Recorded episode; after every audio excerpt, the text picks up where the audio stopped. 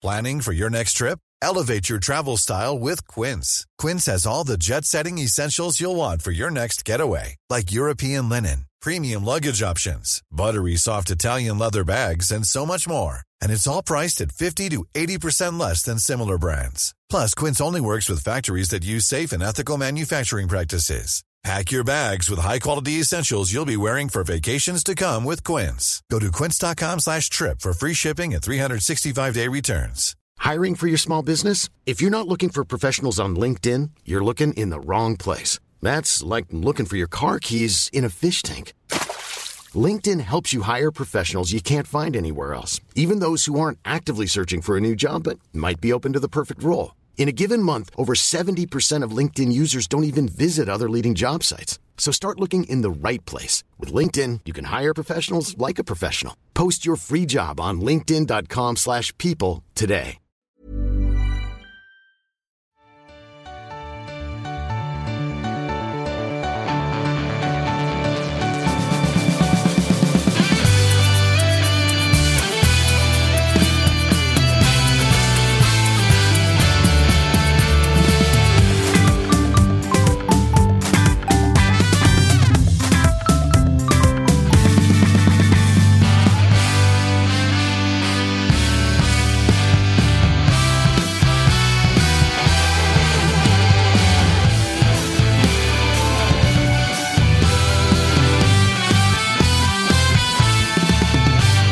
Är onsdag den 27 september och vi säger varmt välkomna till ett nytt avsnitt av Toto-svenskan. Jag är som ni hör fortfarande lite ringrostig då jag tog en liten paus i måndags. Välbehövligt, Kalle.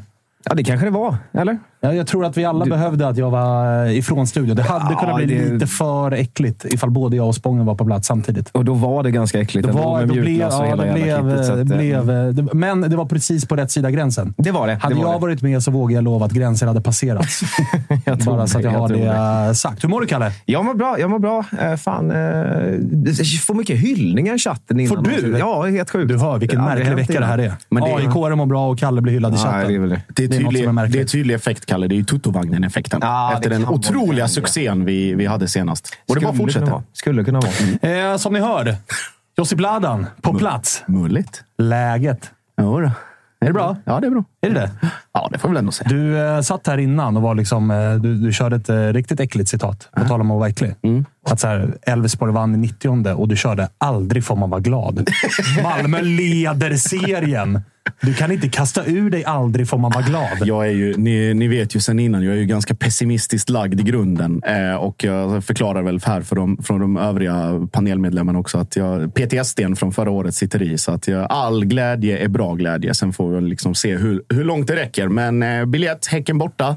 Säkrad. Eh, biljett- Slutsåld direkt. Ja, det är väl mer eller mindre utsålt. Jag, Mm. Sist jag kollade så var det, var det väldigt eh, få kvar. Eh, och eh, ja, det är väl 1500 vi hade där. Kanske får lite till. Eh, Norrköping borta, släpps senare i veckan. Elfsborg, guldmatchen slutsåld sedan länge. Så mm, det börjar Goda tider, Börjar får man ändå, får man ändå eh, lov att säga. Eh, välkommen tillbaka till Toto-svenskan säger vi till Malin Wahlberg. Tack så mycket. Hur är läget med dig? Det är bra. Jag tror inte jag var här sedan den här stökiga vår... eh, Har du hämtat dig sedan dess? Nej, det var Nej. traumatiskt. Det var, du och eh, din kära kollega Linn dök upp. Och ni dök ju också upp i en sån här tid som när man är, när man är bjuden på fest, men man har annat att göra innan. Så man kommer liksom tre timmar in i festen och man ligger bra mycket efter resten. Ja, det gick inte att ta igen. Nej, det, var, det var ingen idé. Nej. Det var också så fint att se, för att man, mm, ni kom hit och ni kändes ganska peppade. Men när ni hade suttit i studion så kände man också just det du är inne på, att vi kommer aldrig komma ikapp. Så ni lämnade ju också ganska snabbt. Alltså, det här är ingen, det är ingen idé. Lite så var det. Men eh, välkommen tillbaka. Har du hämtat dig efter derbyt? Du var ju på plats. Ja, men vi pratade lite om det här innan. Alltså, jag är fortfarande lite chockad över att Djurgården var så pass eh, bleka som de var. Men eh, jag förstår att du är glad. Mm. Jag kom lite hit för mjukklassen idag. Men, eh, Spången har tömt varenda mjukglassmaskin i hela Stockholm. Så jag tror det är slut eh, överallt. Eh, Musko, välkommen tillbaka till dig också. Ja, tack så du ha. Det stör mig lite att eh, den här gången är du väldigt glad och eh, Josip ändå hetsar, ligger först. Och jag känner mig som den kanske mest sura och arga i den här studion för en gångs skull. Förstår jag. Och det är lite är Men du jätteglad har ju för varit, du, har ju, du är ju också väldigt mycket känslor. eh, Alltså, Bara. det, ja, men det är sällan jag har träffat dig eller stött på dig i något sammanhang där du är liksom puttrar på treans växel. Aldrig någonsin. Antingen är du ju liksom fan vad gott livet är, eller fan vad skit det är. Ja, det är min bipolära som bara slår till från sidan. Men så är det att vara HBK-supporter också, tyvärr. Och nu efter senast så är det ganska liksom, frustrerat. Ja, väldigt. Alltså vad fan är det med att vi förlorar i slutet av alla jävla matcher? Vi kan aldrig knyta ihop säcken. Ja, vad fan. Ni såg ju så bra ut i 89 ja, men, minuter. Ja, men alltså, samma mot Malmö hemma. Vi gjorde mot Häcken nu senast också, men sen bara piss blir det bara. Nej, man är sugen på att stänga av och skita i resten av säsongen. Det är lite så känner illa. jag. Ja, så känner jag just nu. Jag har ju sagt det sedan några avsnitt tillbaka att det blir kval. Nu är jag 100% säker på att det blir kval. Nej, men så, alltså, det är ett par lag som ska om. Ja, Blåvitt men, eh, men eh, nej, fan. Nej, jag vet inte. Jag vet inte, Svanen. Jag tycker det är jobbigt. Just nu är det jobbigt, livet. Ja, okej, okej. Eh, en nyhet som eh, briserade bara... Men nu försvann Josip när jag ska ställa honom en fråga. Nej, jag Jättekonstigt. skulle bara hämta en sladd. Ah, okay. eh, jag, jag, tänkte, jag tänkte fråga dig en sak, för det kom en nyhet precis innan vi skulle dra igång. Dalin förlänger ett år. Ja, Har vi väl bara gått och väntat på. Ja, det, var- jag tror det var eh, Malins eh, kollega eh, Disco som skrev ganska tidigt i höstas att det var en överenskommelse på plats. Men eh, varför det har dröjt, det vet jag inte riktigt. Men med tanke på hur Johan har varit den här säsongen och vilka insatser han har stått för. Det är liksom, jag tror att Jonas Hansson skrev det i Fotbollskanalen att Även om man har den åldern som Johan har och att det liksom är...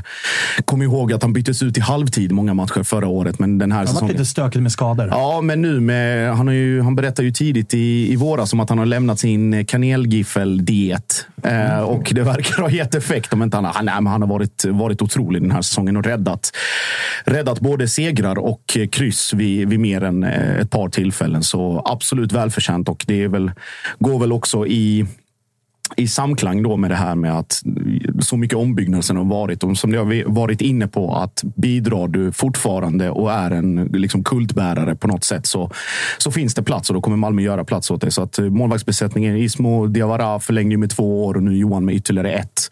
Så att eh, på den besättningen känns det ju rätt tryggt även in i nästa säsong. Så får vi väl se. Det kanske kommer någon landslagsmålvakt här eh, framledes. Men Jag tänkte säga det. Den här förlängningen och Ismos förlängning med två år inför den här säsongen är väl ett tecken på att ni får vänta något år till innan Robin Olsen vänder hem. Så kan det bli. Eh, sen är ju frågan också med, med Ismo. Han förlänger ju eh, och då var det väl fortfarande inte han. Jag vet inte hur mycket insyn eller eh, liksom, han visste om situationen med Johan eller liksom med, med de prestationerna han har haft. Så det är svårt att snacka bort också. Men kommer det, kommer det något bud och det finns någon intressant eller intressent för Ismo så tror inte jag att Malmö kommer stå i vägen. Jag tror han är.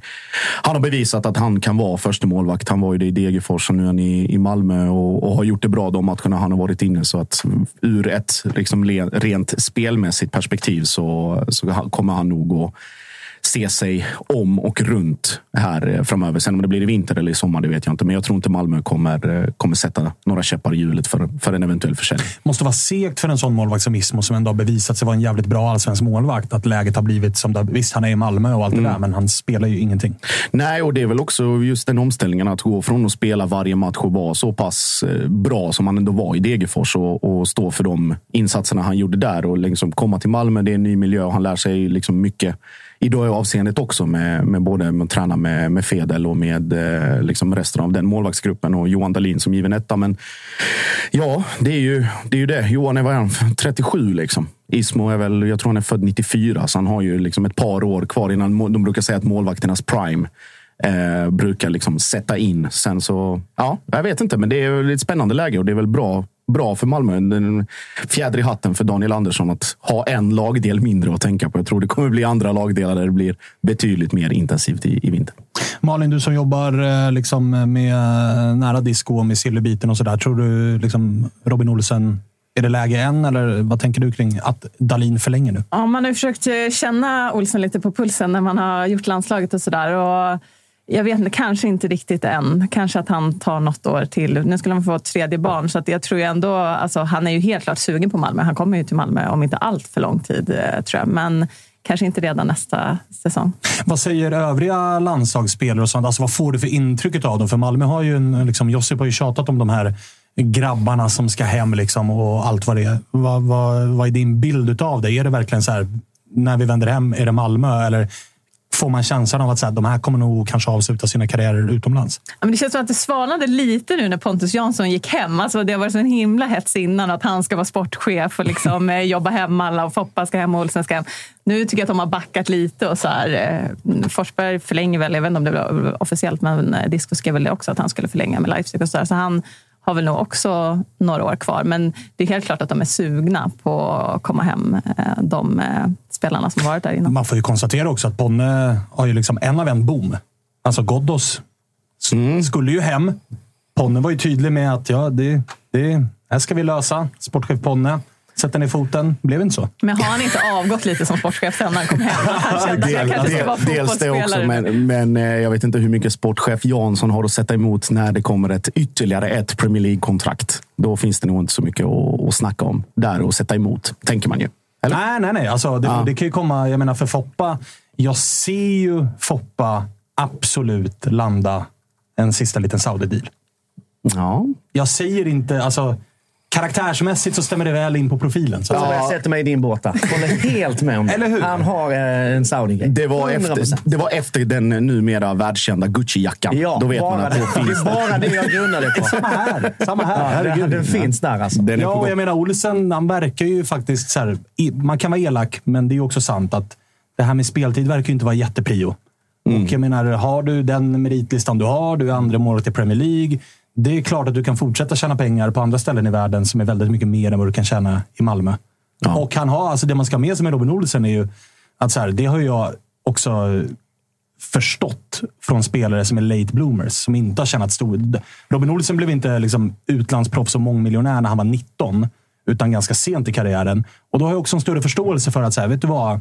Kräma in så jävla mycket deg du kan. Absolut. Jag köper det. Absolut, och det är väl, vi pratade om det med, med ett par kollegor när vi var på, på just Sverige-Österrike. Att oavsett liksom hur lite speltid det har varit i vilket klubblag eller vilken liga den har varit för Robinson har det ändå varit helt överjävlig när han har spelat i landslaget. Så att, liksom den här eviga diskussionen om att så här, ja, men varför spelar han in, inte i en bättre klubb? Dels konkurrens såklart, men också att han vet att den tryggheten, att den grundkapaciteten finns där. Så att även om det inte är skitmycket speltid vecka ut och vecka in, så när det är clutch time med, med landslaget och i viktiga matcher och i kval och sånt, så, så är han där. Eh, Och de kan ju ta den- insatserna gör ju också att han hela tiden kommer att kunna lösa någonting bättre Exakt. ekonomiskt än Malmö. Exakt, exakt så. Men eh, det kommer en dag eh, och vi ska alla vara beredda på den när eh, pågarna kommer hem.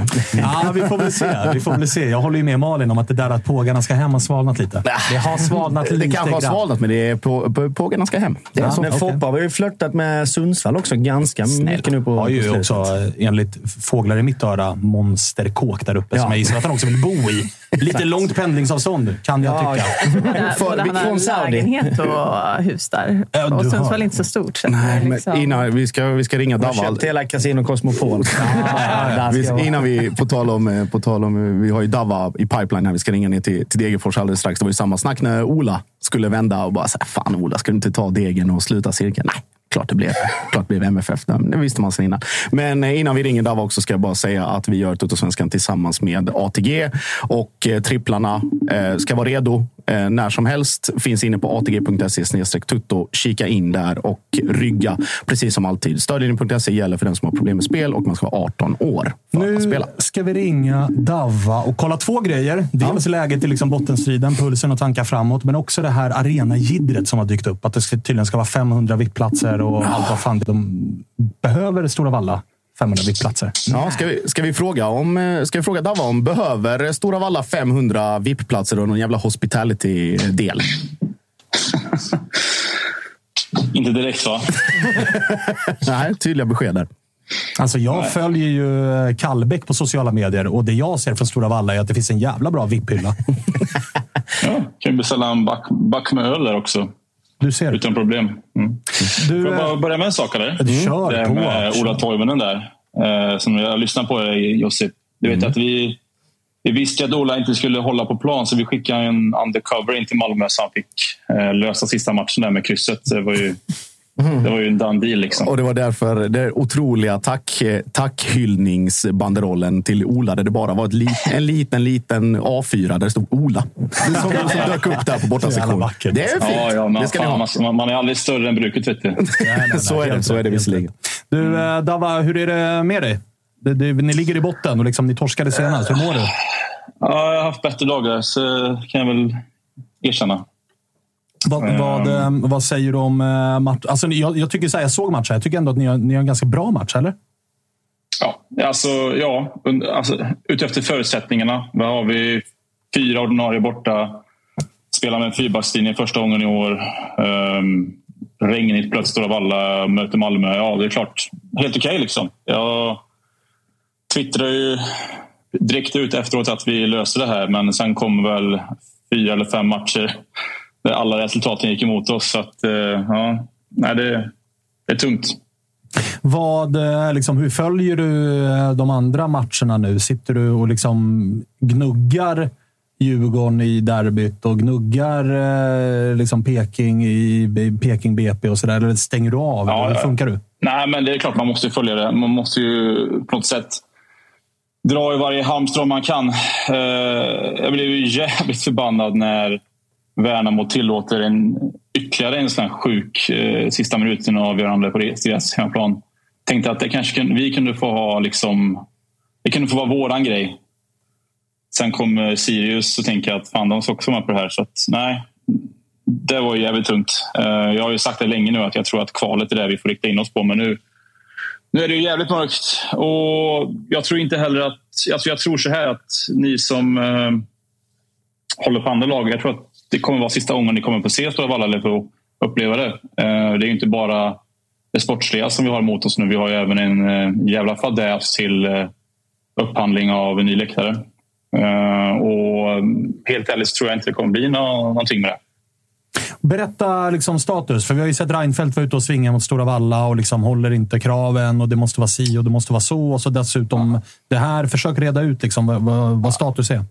Ja, man kan ju börja med en fråga där till Josip. Kände ni er trygga på Malmö där när ni kom till oss utan, utan tak över huvudet? Kände ni er trygga eller liksom, var ni oroliga för ordningsstörningar? Liksom? Nej, vi är ju ordningsstörningarna så det är ju rätt lugnt. Va?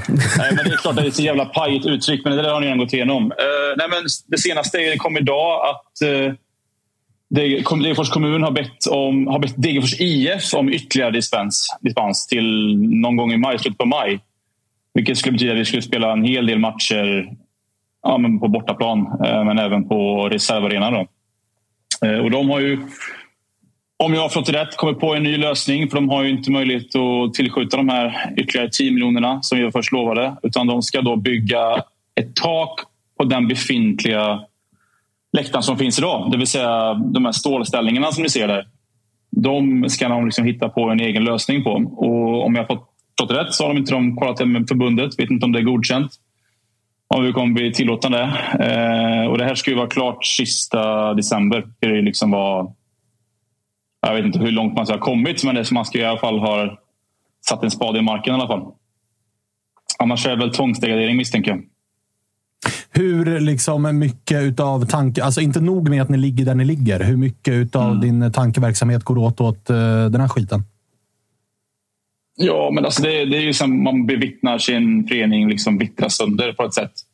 Och det är inte nog med att det går jävligt dåligt på plan, det gör det ju. Men det har ju varit andra grejer i år som har liksom... Ja, men dels så har våra ja, men, legendarer, får man väl ändå kalla dem, man har fått besked att de inte får förlängt. Det var ett jävla ståhej om det där. Drog massa negativ skit över föreningen. Eh, såklart jättejobbigt. Eh, det kom ut i dagarna att vissa spelare kommer söka sitt nya klubbar efter säsongen och det var väl inte så, vänt, oväntat. Men det är ju, tajmingen där gör ju rätt. Det känns jobbigt det med. Eh, så resultaten på plan, ja, jag tycker ändå att vi har liksom spelat bättre senaste tiden. Men vi har... Ja, sammantaget så eh, mår man ju skit, så är det ju. Hur mycket av eh, den här tränarsituationen, alltså hur tycker du att klubben och Werner i spetsen, för det är väl han som någonstans sitter på final call gällande tränarfrågan och spelarfrågor och allt vad det är. Vad tycker du om att beskedet kom timingmässigt när det kom? Nej, för jävligt. Det var ju liksom amatörmässigt gjort av eh, föreningen att gå in eh, det här året med ett utgående kontrakt på tränarna. Det är liksom... Då blir det ju så här. Det är ju förjävligt. Sen så kanske vi hade hoppats på att vi var i en bättre situation rent eh, tabellmässigt så man kanske kunde ge ett, ett mer lugnande besked. Men nej, det är under all kritik hur det här har skötts och hur eh, liksom, allt har läckts till tidningen och vilken spridning det har fått. Det har ju liksom dragit ner, om jag får använda uttrycket, varumärket Degerfors, vilket jag helst inte gör. Men ni förstår vad jag menar när jag säger så. Att, eh, nej, det är inte kul som supporter i alla fall. Tror du att eh, alltså firma eh, Holmberg Solberg liksom krävde att få ett svar innan säsongen var slut? För att annars, om de inte gjorde det, så tycker jag att det är så otroligt märkligt hanterat från Werner och kompani att inte bara säga vi tar den här diskussionen efter säsongen. Ta den här säsongen i mål och sen sätter vi oss ner och snackar. Min känsla ja, är att det från andra hållet har varit att de också har krävt att vi måste få veta om vi får förlängt eller inte, vilket har någonstans tvingat fram ett besked. Mm. Alltså jag ska inte säga att jag vet exakt, utan det är väl till viss grad spekulationer från min sida också. här. Men det man har förstått så är det ju att det har funnits en eh, lång kontakt mellan parterna och en lång dialog också, även eh, ansikte till ansikte. Eh, sen har väl någonstans tränarna krävt att få ett beslut. Föreningen har väl då sagt att vi vill gärna vänta tills säsongen är över, men vill ni ha ett eh, beslut nu så är beslutet att vi inte kan ge ett beslut och det är väl lika med att säga att vi inte kan eh, förlänga med i dagsläget. Sen har man väl liksom försökt eh, ändra lite på hur man har liksom uttryckt sig eh, på hemsida och sådär. För om jag har förstått rätt så menar det för att det finns fortfarande en chans att de fortfarande kan vara tränare nästa säsong. Men liksom, så som det ser ut nu så har man inte eh, ekonomiska medel att ha två huvudtränare i superettan. Eh, men att man skulle kunna eventuellt ha det vid eh, en allsvensk eh, sejour session till. Då. Så att det, det, är ju från båda håll, det är från alla håll. Det är liksom att det här att inte, att inte det här löses internt är väl kanske det största problemet jag har som supporter. Med all respekt för att folk vill värna om sina jobb och så, så tycker jag att många parter i den här soppan sätter sig över föreningen och det har jag svårt för. Där jag tänker på just alltså Degerfors och, och Degerfors IF och vad det betyder liksom för både samhället och, och bygden och allt det där. Vad, vad gör detta med liksom, inte bara supporterskapet utan liksom, hur pratas det på stan och hur påverkar det måendet för egentligen hela, hela byn? Ja, men det är ju en lång diskussion just nu i Degerfors framför allt då, om hur mycket, hur mycket Degerfors IF är värt för Degerfors kommun. Och då pratar man liksom både mjuka värden och, hårda ekonomiska värden. Och, eh, det läggs ju extremt mycket pengar på Degerfors IF från kommunens håll. Eh, så är det ju. Samtidigt så vet jag nog inte många som skulle veta vad Degerfors IF var om det inte var fotbollen.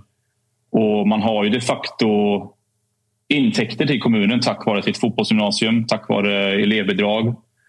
Eh, ja, men tack vare att supportrar kommer dit eh, i tusentals och dricker alkoholfria drycker och käkar pizza. Alltså det är klart att det har en positiv effekt på samhället. Och det, jag vet att ni var inne på det i förra avsnittet med Ebbe där och han sa liksom hur, hur trevligt det är att eh, komma till Degerfors att alla supportrar är välkomna och man kan dricka en öl med oss. Och så är det ju, men det är också för att det är ju viktigt, på riktigt viktigt för, för ekonomin, för kommunen. För jag menar, det är ju, man kan absolut snacka om rivalitet. Det är klart, Örebro skulle inte kunna komma, komma dit och göra samma sak. Kanske inte Västerås och inte Jönköping heller. Men storklubbarna som kommer när ni kommer i flera tusentals ja, men, man och kvinnor. Så det är klart att det ger ju en ekonomiskt bidragande effekt till klubben, till föreningen, till kommunen. Så att det där hänger ju ihop. Och om man nu står inför det hotet att ja, men vi kanske inte har någon Stora Valla att spela på.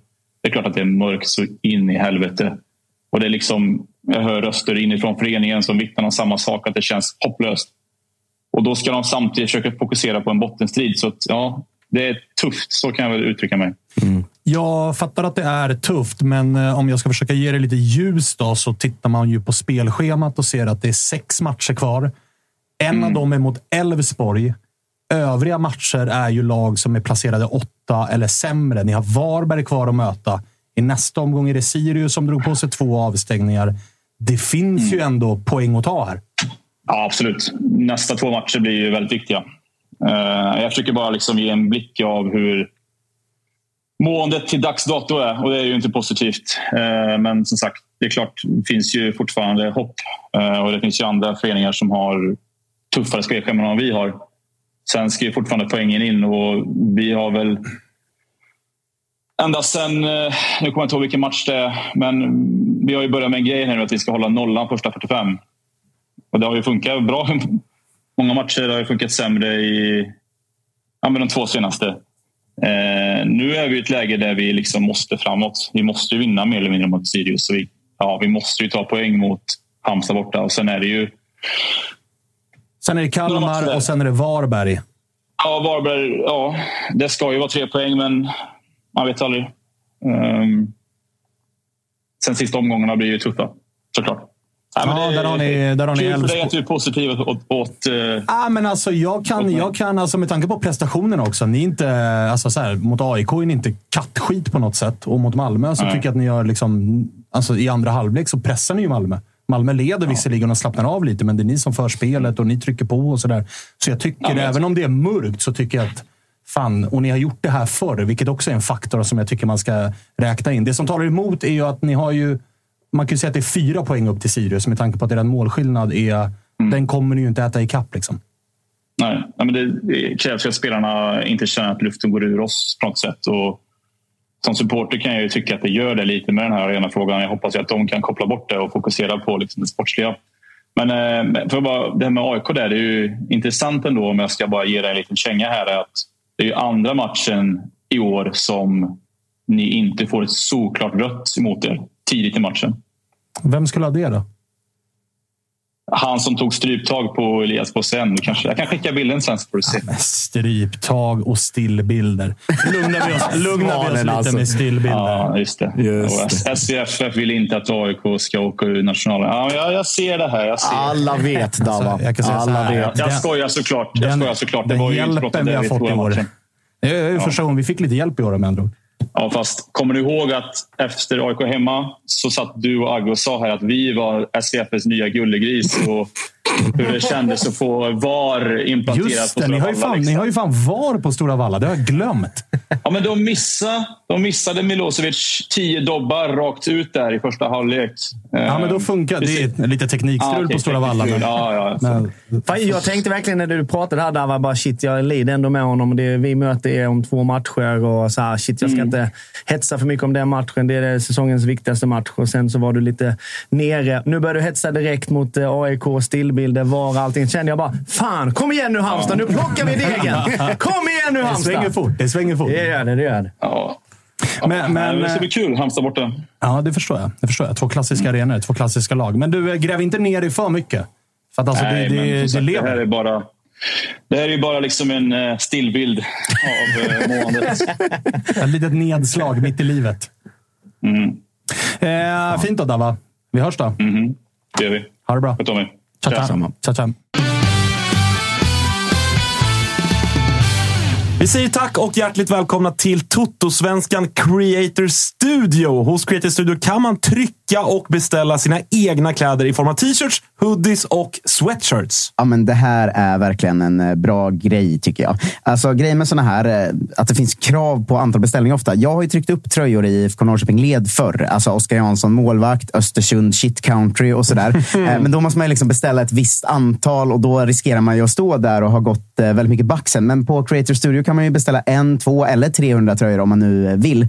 Alla plagg trycks och produceras på beställning och Creator Creator Studio är med under hela processen. Ja, men exakt så. Just det där med kvantiteten är ju en, eh, en bra grej som de, som de gör. Att man kan beställa ett en bara till sig själv eller till en polare som ska gifta sig eller vad det nu kan vara det passar verkligen för massor av olika tillfällen. Eh, så det är eh, en väldigt intressant grej faktiskt som Creator Studio gör.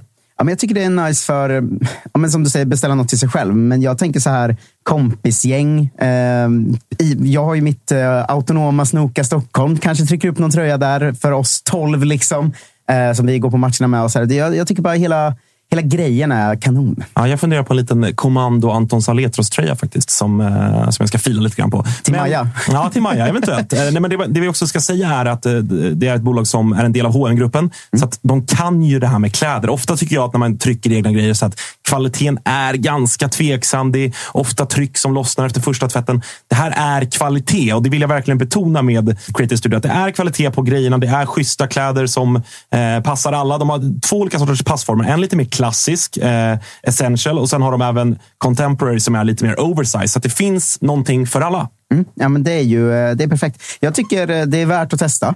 Eh, gå in på creatorstudio.com och se mer om hur det funkar och så kan du beställa där inne. Ju. Vi har dessutom en rabattkod. Totosvenskan25 ger hela 25 procents rabatt vid en av dina beställningar. Testa det här nu. Ni kommer inte bli besvikna. Vi säger stort tack till Creator Studio som är med och möjliggör Totosvenskan. Tack!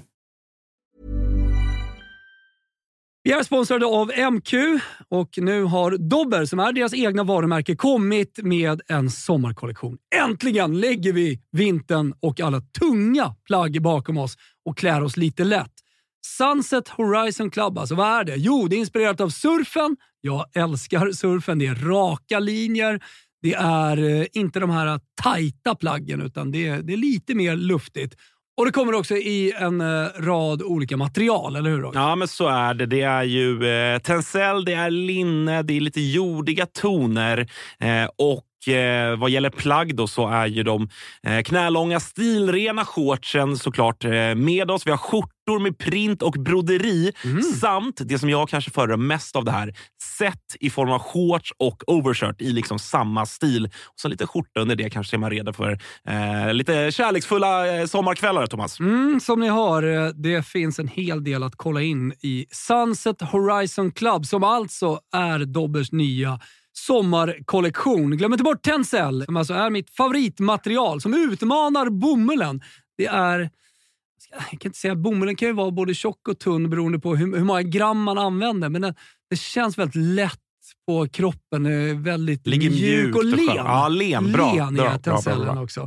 Eh, det, det här ska man kika in. Alltså Dobbers eh, nya sommarkollektion som heter Sunset Horizon Club. Och var finns det någonstans? Det finns på mq.se eller i alla MQ-butiker runt om i landet. Gå in och fynda nu inför sommaren. Vi säger stort tack till MQ som är med och sponsrar Totosvenskan.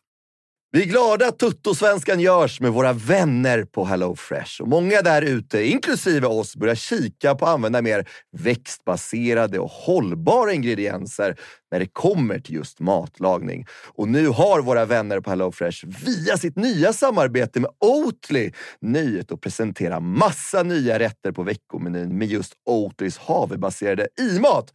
Och varför i-mat, Dage? Ja, men det är väl kanske en fråga man ställer sig, men det är ju så att det är en ingrediens med 61 procent mindre eh, CO2-utsläpp och 83 procent mindre mättat fett än traditionell grädde. Så det är ett väldigt bra substitut. Ja, men och denna vecka så har vi kollat på HelloFresh hemsida och eh, botaniserat lite kring recepten som innehåller just i-mat. Och min tydliga, tydliga favorit är den soltorkad tomat rigatonin som ju har då lite soltorkade tomater, det är körsbärstomater, det är rucola, zucchini, riven ost. Ja, men ni hör, en väldig massa smaskiga grejer som blir en krämig pasta. Och just att använda rigatonin, Freddy, som jag vet att du gillar också, som just suger upp all den här såsen. Mm, den är en favorit hos mig. Verkligen. Och jag gick faktiskt händelserna i förväg och testade redan förra veckan deras medelhavsinspirerade räkgryta med just i-matsåsen och sen lite, lite, lite fint långkornigt ris. Eh, och Agge, vi har ju som vanligt en kanonkod också med våra vänner på HelloFresh. Den, den, den, jag hoppas att folk kan nu. Ja, det är ju Fresh Tutto. Du får upp till 1359 kronor i rabatt på dina fem första kassar om du inte har prövat HelloFresh ännu. Plus fri frakt på den första matkassen. Och det som är så bra, har du inte använt HelloFresh på över 12 månader så gäller koden även dig. Så gå in på hellofresh.se och lägg en beställning på en riktigt fin matkasse redan nu. Testa HelloFresh, testa Oatlys i-mat. Vi säger stort tack HelloFresh. Many of us have those stubborn pounds that seem impossible to lose, no matter how good we eat or how hard we work out. My solution is PlushCare. PlushCare is a leading telehealth provider with doctors who are there for you day and night to partner with you in your weight loss journey. They can prescribe FDA-approved weight loss medications like Wagovi and Zepbound for those who qualify. Plus, they accept most insurance plans. To get started, visit plushcare.com slash weight loss. That's plushcare.com slash weight loss.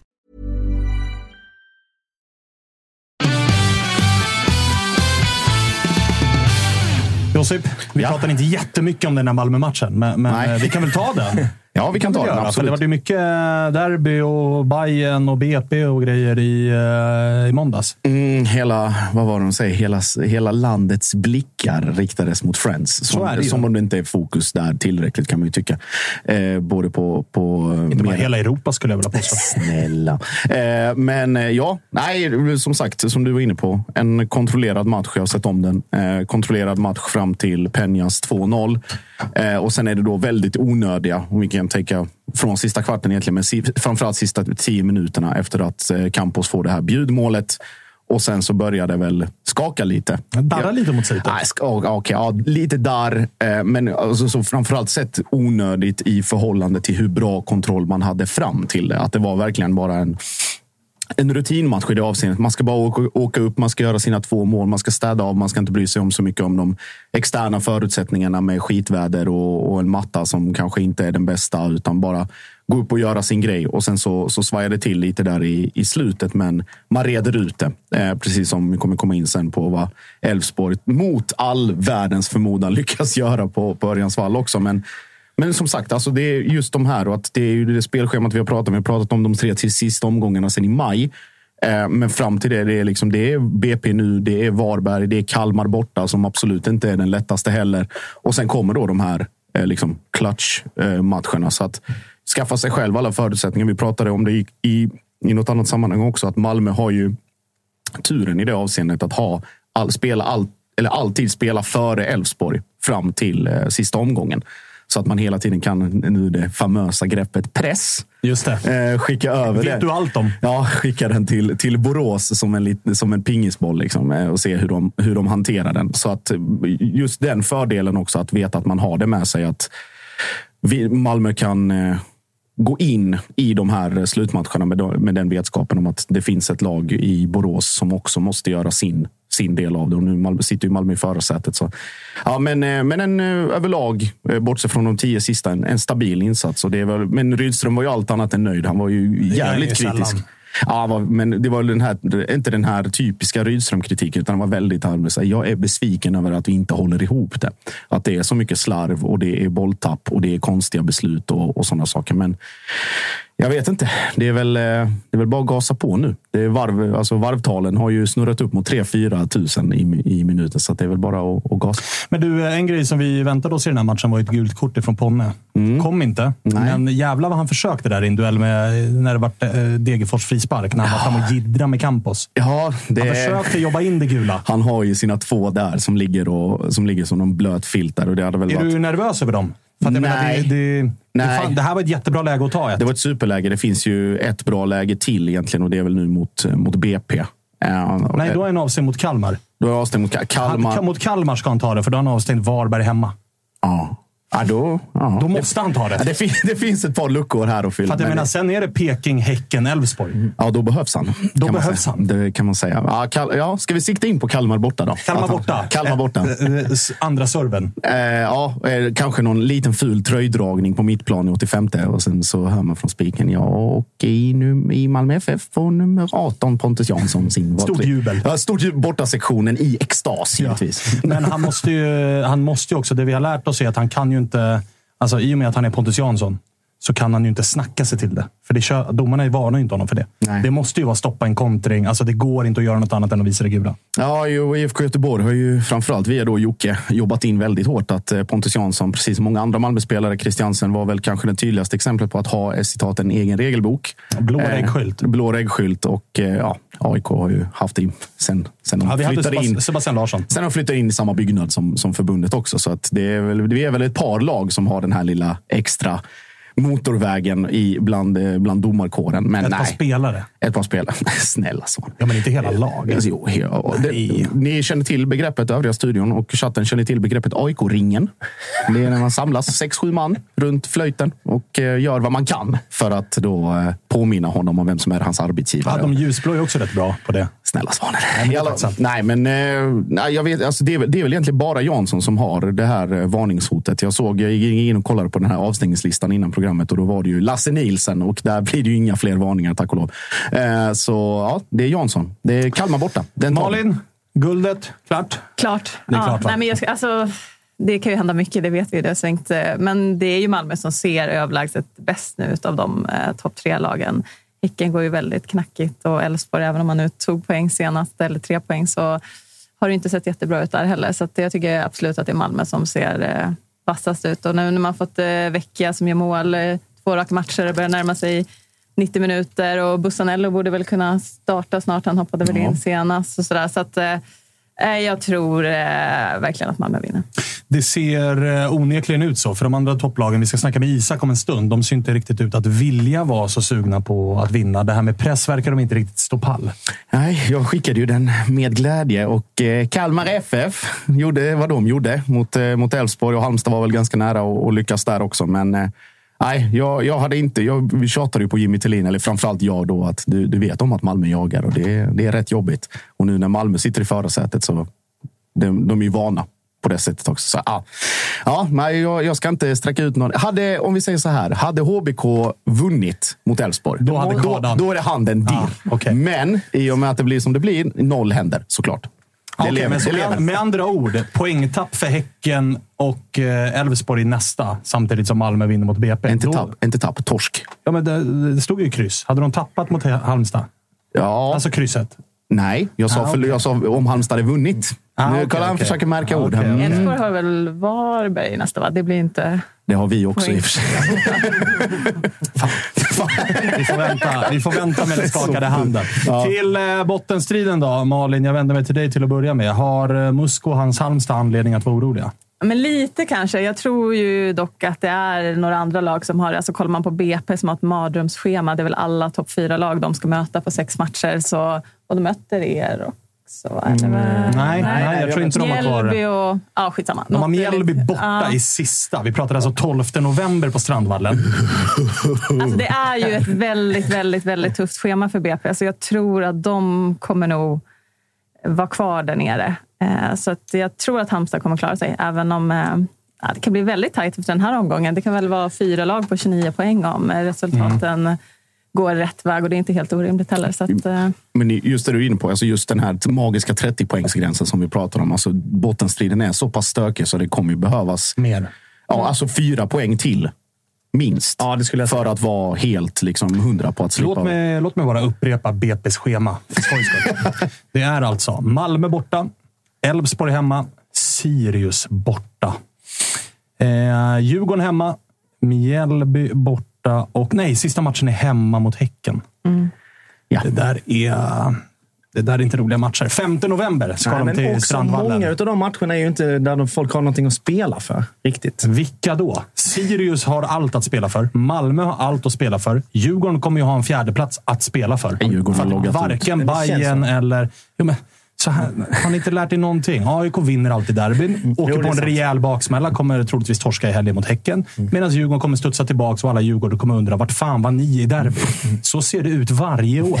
Det är liksom så allsvenskan funkar. Så att Djurgården kommer absolut vinna i helgen och då är de med om eh, liksom fjärdeplats-racet igen. En fjärdeplats som alltid kommer vara viktig. Mm. Eh, vad sa vi mer? Mjällby, där har de inte något att spela för. Det kan vi konstatera. Men Mjällby 5 november på Strandvallen. Nej, det är inte kul. Det är inte kul. Nej, det är inte det, på kontinenten direkt. Nej, Josip, har liksom, Josip vet hur det ser ut där. Det finns en anledning till att han flyttade därifrån. Låt oss vara tydliga med det. Ja, precis! I november på Strandvallen, där vill man inte vara. Det är, bara, det är bara det här ljudet i 90 minuter. Ja. och så är det alltså Häcken i sista omgången. Häcken som absolut kommer att spela för. Ja, likvärdig publikmatch om inte annat. Precis. På Grimsta. Precis. Det är 30 Och de lagen, de båda lagen de möter på hemmaplan, samtliga är konstgräslag. Samtliga kommer ha någonting att spela för. De har Sirius eh, som bottenkonkurrent kvar och de är på bortaplan.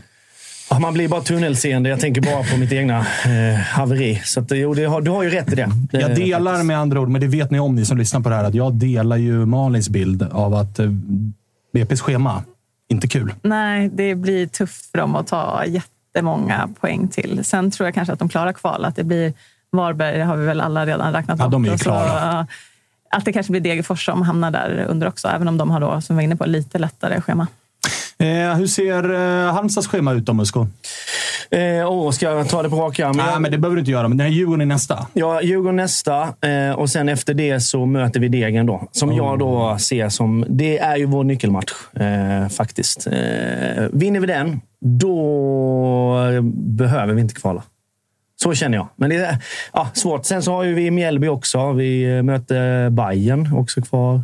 Mm, ni har både AIK och Bayern borta kvar i två av de tre Ja. sista matcherna. Där har ni också Kalmar hemma. Mm, och eh, ja, alltså AIK, svinviktig match för AIK ju såklart. Eh, och ja, jag vet inte fan, jag, just nu känner jag jag- som en tråkig spelare. Jag fokuserar bara på nästa match just nu. Jag vill bara ha tre poäng. Tre poäng vill jag ha. Jag skiter mot vem och sen så är jag nöjd. Men du, eh, ni kommer ju från två eh, tunga jävla förluster. Får man verkligen lov att konstatera. Dels Häcken, där det ju är nära och det blir ett haveri. Och här nu senast, så när kommer målet? I 89. 89. Ja, det gör det. Fy fan. Du, du är liksom mer deppig Ja, exakt. Jag är målet. mer deppig. Nej, men jag, jag sa ju innan, vi satt ju här och kollade, det var innan... eh, Aldrig får man vara glad, Nej, innan, innan, Vilket Tutt- är innan fortfarande chockad. Det är en helt det är en otroligt Sjuk sägning av någon som leder Ja, serien. är- Aldrig Det får man vara glad. utvisningsbås på den. Snälla, snälla. I alla fall. Eh, nej, vi ser ju matchen här innan, innan vagnen i måndags och det blir ju mer och mer muntert ju mer eh, upp mot 90 minuter det går. Och, eh, Du var på ett jävla humör fram till Ja, det var jag. jag 88, ja, 43. s- satte mig där i god stämning. Men eh, sen är det ju då... Jag vet inte vad det är. om det alltså, Man kanske inte ska lasta enbart eh, Baffo för det här eller Marco Johansson som sträcker ut allt vad han kan. Det är ett jävla avslut eh, som Abdullahi får på. Men det är också i princip det enda Elfsborg har i den matchen. Och det är vi Såg nu XG 014 på Elfsborg. det var XG 0 i halvtid. De hade 0-0-0 på allt. Ja, det var bland de värsta 45 minuter man har sett från någon som ska vara liksom en, en guldkandidat. Så att de hade ju uppenbart svårt eh, mot mm, underlaget, mot vädret, mot HBK och framförallt eh, Västra. Västra läktaren där vad hade de inte lättare. Det var en del eh, snus och Ja, annat det var som, en del snus som som, kastades. som sulades där. Men, eh, men just, just den biten, innan du ska få ta vidare. att Vi pratar om Malmös alltså SM-guldsegrar i våras. Liksom, spela skit och ändå vinna. Nu, liksom BP som det tydligaste exemplet och Kalmar i premiären och sådär.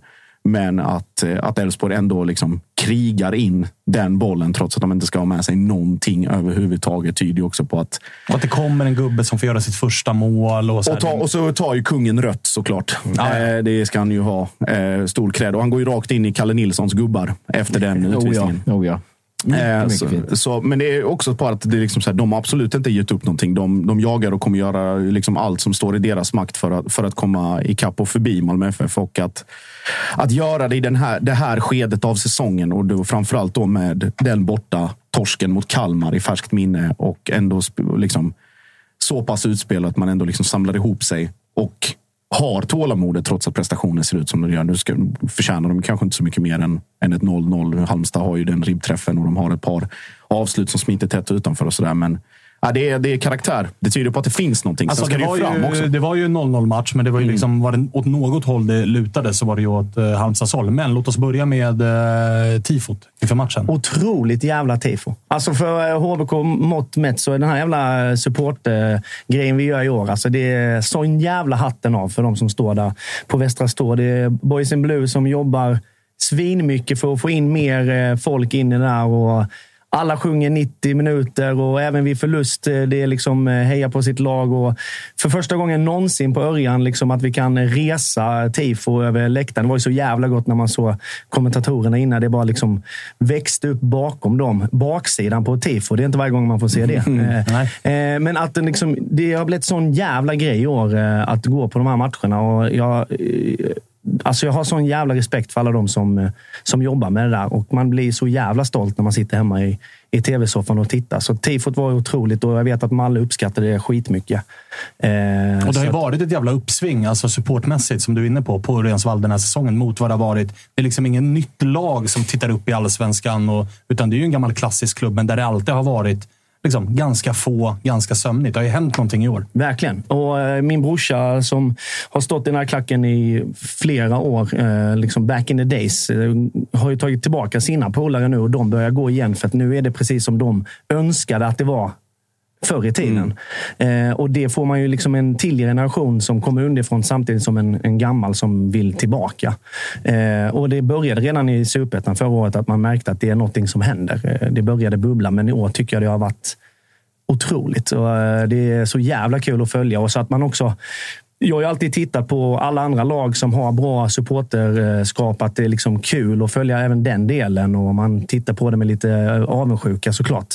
Och jag som bor i Stockholm, visst vi ska inte jämföra med, med Stockholms derby-tifona, men på våra nivåer där vi är i den här näringskedjan så tycker jag det är en av de bästa lagen, eh, tifo, som vi har haft i år. Och det sköter min lilla fina klubb Halmstad BK. Och det, ja, jag slår mig på bröstet hela tiden. Det är så ser fint också på Örjans med den läktaren också. Att du har ju de riktigt mentala gubbarna eh, som står eh, längst till vänster och skriker på den sidan liksom mot hörnflaggan mot bortastå. Och sen så sveper kameran och så var det en Halmstad-hörna i eh, i andra halvlek och så ser man det är fyra äldre män. Ja. Och så står det och så sa jag- Filtkeps. Ja, filtkeps. Och så sa jag till Kalle att du, där, där finns det åsikter. Och där hade kunnat kliva in på träna, tränarbänken när som helst. När du det är vill. också där det kastas snus. Ja. Eh, Det, är så här, det är där lösnusen kommer ut. Där är lös, den andra Ja. sidan är por- är portion. Vit portion. Ja, det. Säger en del om åldersstrukturen Ja, det- på Halmstads läktare.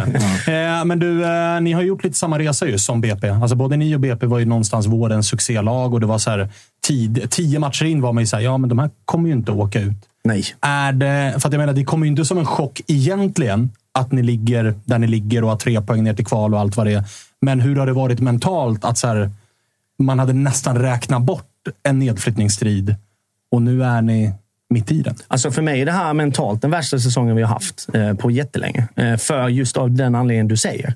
Jag kommer vi satt här och pratade, fan Halmstad var ju ganska nära så här, Europaplats ett tag. Att det var ändå inom räckhåll. Ja, Visst- BP tryckte tröjor. Ja, alltså, med? nej, men, och det, för mig var det så här att shit, här får man känna på det här härliga, fina, goa. Visst, jag har varit med om ett SM-guld och alltså sådär. Men nu i vuxen ålder, att man är med mer på det. och Allsvenskan är större än någonsin. Och, och hela liksom dealen med, med allsvenskan just nu, att HBK får vara en del av det. Så att mentalt var man ju så jävla toppad eh, när det gick så jävla bra i början. Men då har också fallet blivit mycket tyngre, i alla fall för mig. Eh, att nu tittar jag på matcherna med mycket mer ångest. Som du frågade Dava här, jag följer liksom varenda lag som kan påverka HBKs poängskörd eller upp, ner om två, tre matcher. Det är liksom det enda jag typ fokuserar min lediga tid på. Att jag, jag ska bara se att det går bra för HBK den här säsongen. Och så har jag inte haft innan. Kan vara med att jag har blivit farsa. Jag försöker undvika att göra vissa sysslor hemma genom att jag måste titta på HBK. Kan vara det. Eh, men det är nog också för att mentalt är jag mer involverad än någonsin. Och det har ju med också att supportrarna har blivit bättre. Att allsvenskan är bättre rent publikmässigt. Så att för mig har det varit sjukt jobbigt att följa den här säsongen. Och nu är det riktigt jobbigt. Men det där måste ju ändå påverka spelarna också, både i BP och Halmstad. Även om de säger så här, eh, när det gick bra att så här, vi, det är ingenting är klart. Men alltså, att veta att man låg liksom på den övre tredjedelen och sen känna att det här Alltså, kanske skiter sig. Jag tror 100 procent det. Eh, Och det märker man också när vi förlorar. När vi åkte till BP och torskade med vad fan det var, 5-0. eller, Att det, det påverkar absolut spelarna. Och kommer man från superettan och eh, är nederlagstippade att man sen går och börjar säsongen jävligt bra och spelar ganska bra, fin fotboll eh, till att man nu är tillbaka till att vi ska bara stångas på en åker i Halmstad. Eh, det är klart att det påverkar spelarna. 100 procent. Det är en annan grej som jag tror påverkar också. Så här, BP är ju liksom så här, det är vad det är och den publik liksom, återväxt som finns där. Det är ju vad är det? Det är en liten verklighet. Åtta, åtta kids som står och viftar med någon flagga. Medan HBK, som du säger, med den här återväxten att det ger, även om Halmstad på något sätt är vana i att vara den delen av tabellen när man är i allsvenskan så blir det fortfarande det blir en ny verklighet för spelarna att hantera också. Att även om de har varit i större klubbar eller i andra sammanhang där det finns ett visst publiktryck så tänkte du associera man kanske inte HBK med att det ska stå nu plötsligt 40-50 pers och skrika på att deras avgång efter att liksom ha torskat hemma mot Varberg. Då blir det så här, wow, okej. Så, lägg- så blir det ytterligare en faktor som kan vara för vissa belastande, men för vissa Ja, det, höjande. blir, det blir en liten extern press som inte riktigt finns i BP. Ja, men exakt. Alltså så här, ta till exempel alltså Marco Johansson inlånad med under de förutsättningar som det är. Spelat i Malmö och spelat ute i Europa och hela den biten. Han kan ju hantera det. Marcus Olsson spelat liksom utomlands kan också. Ante med, med Peking och, och vad det innebär att spela i HBK. Sen är det ju liksom spelare... Baffo. Baffo. Eller då liksom spelare som Ahlstrand, Kasper Karlsson, egna produkter som har sett det här växa fram i realtid. Det blir också en verklighet att, förhålla sig till. Och det är ju inte alltid, alltid det lättaste heller. Nej, men jag tror också att man där, ganska mycket man ser vilken typ av karaktär en spelare också har. Som en Ahlstrand känns ju som att han eh, kan gräva ner sig, han växer jävligt mycket av det publikstödet Mm. och den kravställningen som Halmstad-supportrar i dagsläget har. Medan jag tror att många andra som kanske är i den klubben just nu spelar fortfarande fotboll för att det är väldigt eh, kul och man spelar i HBK. Vi kommer ligga i, i botten av allsvenskan. Det är jävligt coolt att få spela där. Men jag tror att det kanske där vägskälet blir. Att man kanske då går till en klubb för att söka den utmaningen någon annanstans. Man behöver den här pressen, man växer av det. Och jag hoppas ju nu att HBK kan behålla det här. För att jag vill jättegärna, även om det är min värsta säsong någonsin, så har jag också mått bäst den här säsongen än vad jag har mått i mitt supportskap någonsin. Och jag tror att det är någonting som i alla fall majoriteten av de som står på läktaren vill fortfarande ha kvar. Att det ska gälla någonting varje gång. Men du, vi pratar om de här äh, erfarna spelarna som man ju såklart sätter sin största tilltro till nu. Som ska visa vägen med Ante och liksom alla de. Hur besviken är du på uh, Baffo? men Med alltså- tanke på att han gör... Alltså, och så här, han ska ju någonstans också vara tacksam över att domaren visar ett andra gult. Alltså, det är För det där är ju ett direkt rött. Och jag 100%. menar, då kan han vara borta tre matcher. Ja, ja. Alltså det är 100 Alltså ett sånt jävla hjärnsläpp. Han ska ju gå fram till domaren och skaka hand och säga tack. Och det värsta är att han också börjar klaga på att men bollen var ute där. Du skulle ha blåst in. Men hallå, du fick ett gult. Gå! Säg bara tack för mig, jag går. Så att han hinner tänka om. Såklart rött. Så jävla onödigt. Jag förstår frustrationen, 100%. Domaren var ju faktiskt svindålig den här matchen. Åh, fan. Eh, och det... Fråga, de brukar ofta, supporter, supportrar brukar annars tycka att domarna är svinbra de matcherna man förlorar. Fråga, Nej, men- fråga Kalle vad jag tyckte om den domarinsatsen. Det var en del ramsor på alla möjliga språk. Nej, men det är fruktansvärt eh, dålig. Fruk alltså, jag brukar inte klaga så jävla mycket på dem, men det var otroligt låg nivå. Eh, och uteblivna straffar och eh, allt vad det nu var. Sen kommer det här målet. Det är klart man ser på eh, på spelarna att det är ju proppen nu. Så jag, jag förstår ändå eh, Baffo som är känslostyrd och allting. Så här, det rinner över och så är bollen ute. Återigen, man ser att de här tre poäng, eller en poängen försvinner och han tar den här jävla idiottacklingen. Alltså, han måste, han, man måste tänka lite. Han måste gå och föregå med gott exempel. Där. Han är som du säger en av våra stöttespelare som vi måste ha med oss. Ska vi ta de här tre poängen, vi, vi måste ha med oss Baffo. Punkt slut. Och där tycker jag, där blev jag jävligt lack på honom. Eh, men sen i efterhand så jag förstår honom, jag fattar frustrationen, men det är ju inte okej någonstans. Alltså vi är inte, vi är inte i situationen att vi kan ta onödiga röda kort på våra mest betydande spelare. Det funkar inte så. Eh, Malin, hur har eh, den här, för att med tanke på hur det har varit med bottenstrid och toppstrid i år, där det har varit Alltså nu börjar det mot slutet här ändå utkristallisera sig ganska tydligt att Malmö är storfavoriter och det är dessutom, vi har ju tjatat om det, men och Häcken-supportrar och Mal- eller Elfsborg-supportrar gillar ju inte att höra det här, men det är ju liksom inga stora lag med stor publik och hela den här biten. Medan i botten har det varit AIK och Blåvitt med den verklighet det är. Hur har det varit på liksom redaktionen? Har man nästan liksom fokat mer på bottenstrid än toppstrid, eller hur har det funkat hos er? Nej, men så har det absolut varit. Alltså, det blir ju så, när du som du är inne på, att AIK och Blåvitt är där nere. Det blir ju hetare. Och sen, som, alltså, det blir lite extra fokus här blir det på Stockholmslagen eftersom vi är i Stockholm. Och Jo tack. Åh fan. Också för att eh, det är fler som bryr sig om dem. Jo, Så- såklart. Ja. Men ehm, det är klart att det blir, eh, som du är inne på, när det är eh, och det också börjar kännas mer avgjort i toppen så blir ju bottenstriden hetare. Sitter man i sin yrkesroll och nästan gnuggar? en, Liksom, eh, hoppas, hoppas det blir en liten gnaget torska mot Häcken så att de är kvar där nere.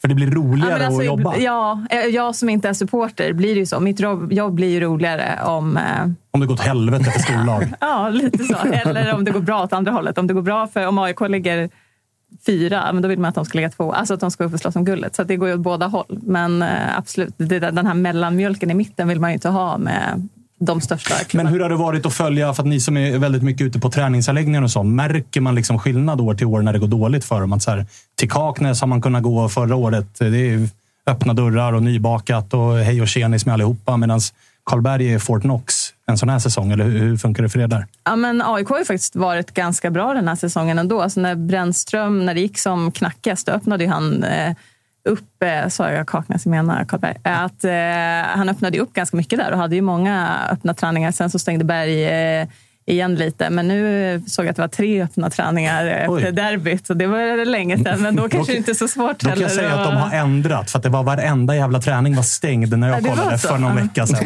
Det Ja, men var så, det har ju varit så. Men eh, nu efter derbyt tror jag de hade tre i veckan. Eh, Så det kunde de unna sig. Eh, Resultatstyrt även där då. ja.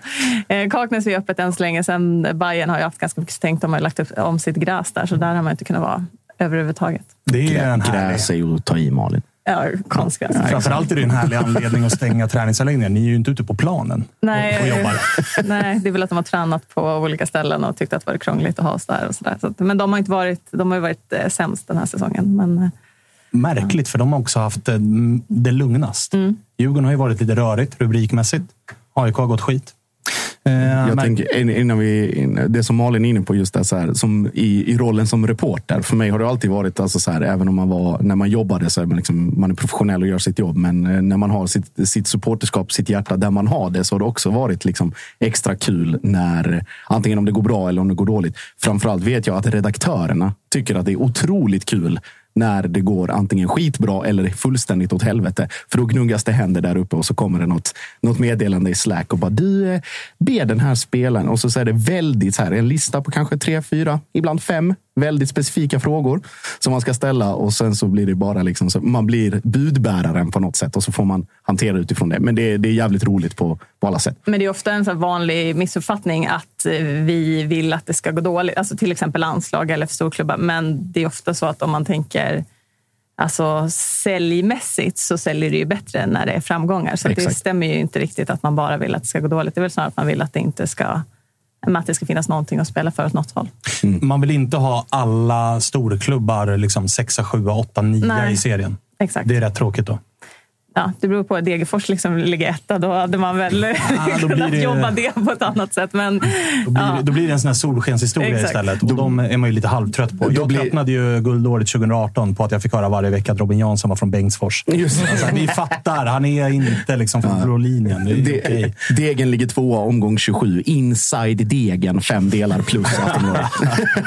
Herre Jesus.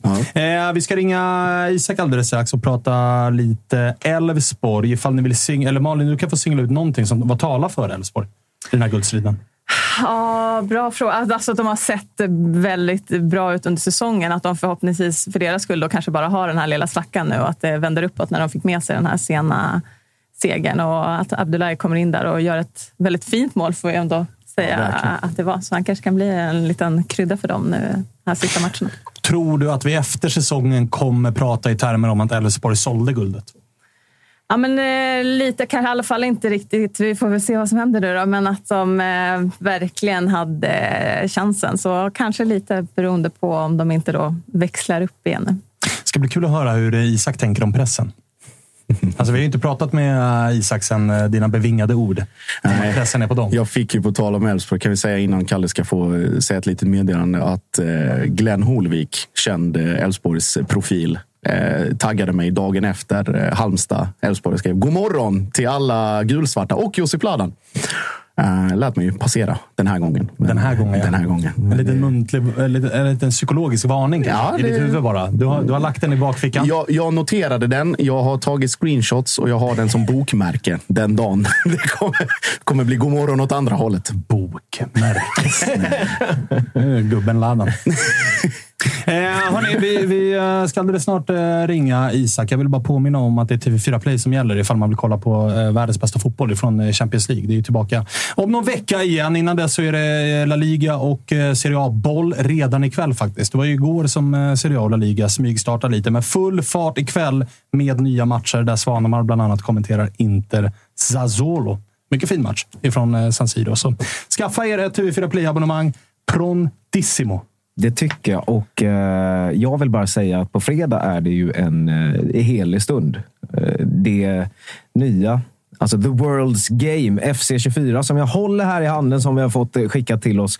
Eh, släpps alltså på fredag den 29 september. Och, eh, ja, men det är ju världens eh, i särklass största fotbollsspel och bästa fotbollsspel. Och nu eh, har de ju givetvis, alltså det är större än någonsin. De har eh, utvecklat spelet, de har utvecklat, eh, alltså, jag vet inte vad allt det här är, men det är liksom hypermotion och eh, frostbite eh, spelmotor och alla sådana där grejer. Så att, som gör spelet extremt verklighetstroget. För första gången någonsin så kan man också eh, använda damspelare i Ultimate Team. Och Gud och alla hans undersåtar ska veta att jag har plöjt ner oändligt många timmar i Ultimate Team utan att blivit så mycket bättre av det egentligen. Men för, förhoppningsvis så kommer jag väl kanske bli det nu i år i eh, EA Sports FC 24. Eh, kanske man kan eh, kombinera Vigge i försvaret med min Vetlanda-bördiga kollega. På. Nej, men vi är båda från Vetlanda. Stina Lennartsson som fick hoppa in lite i damlandslaget. Där, ja. Så Mm, kika, där, ja. in, eh, kika in på ea.com. Vi har en länk i beskrivningen där du kan förhandsboka ditt exemplar. Jag ska möta Ingo sen också i en premiärmatch. Kommer ju såklart bli Malmö FF mot eh, Hammarby. Eller Islands landslag. Kanske det. Vi vet inte riktigt. Det är väl typ samma. Det var typ samma. IFK Norrköping, ja. Peking. Ja, just det. Just det, det var Peking. Eh, vi ska ringa Isak Edén och kolla hur lättad han är efter tre poäng på Örjansvall. Då får du hålla för öronen då, Musko. Ja, ja, ja. Det kommer du inte gilla. Nej.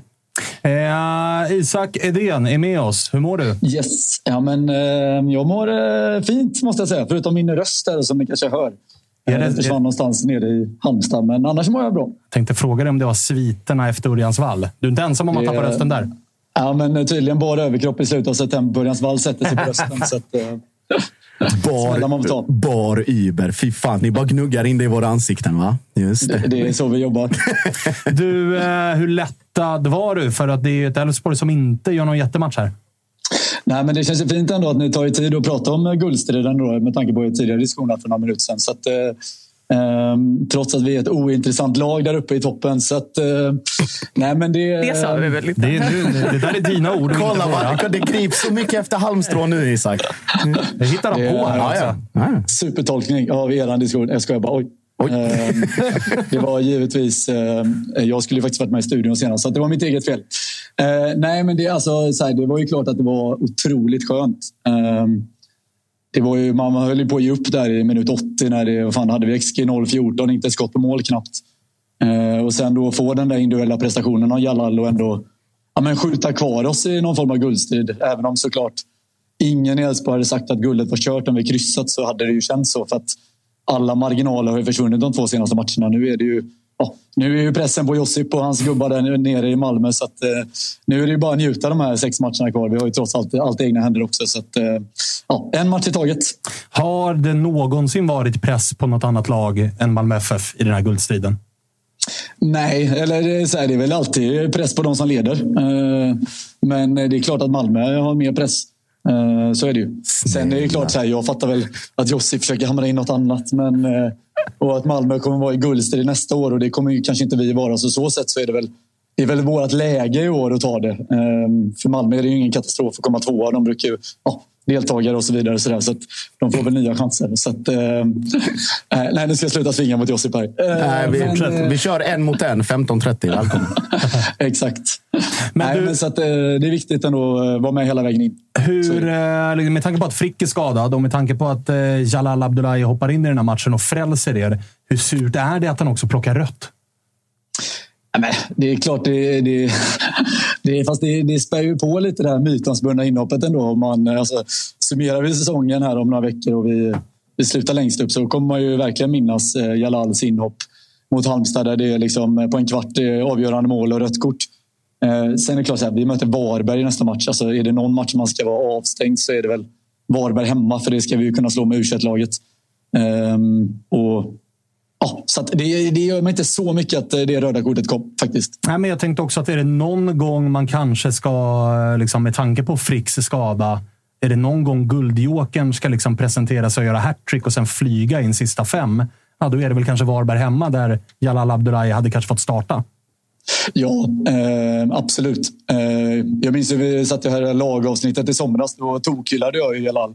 Eh, det har man inte riktigt fått betalt av förrän, förrän nu.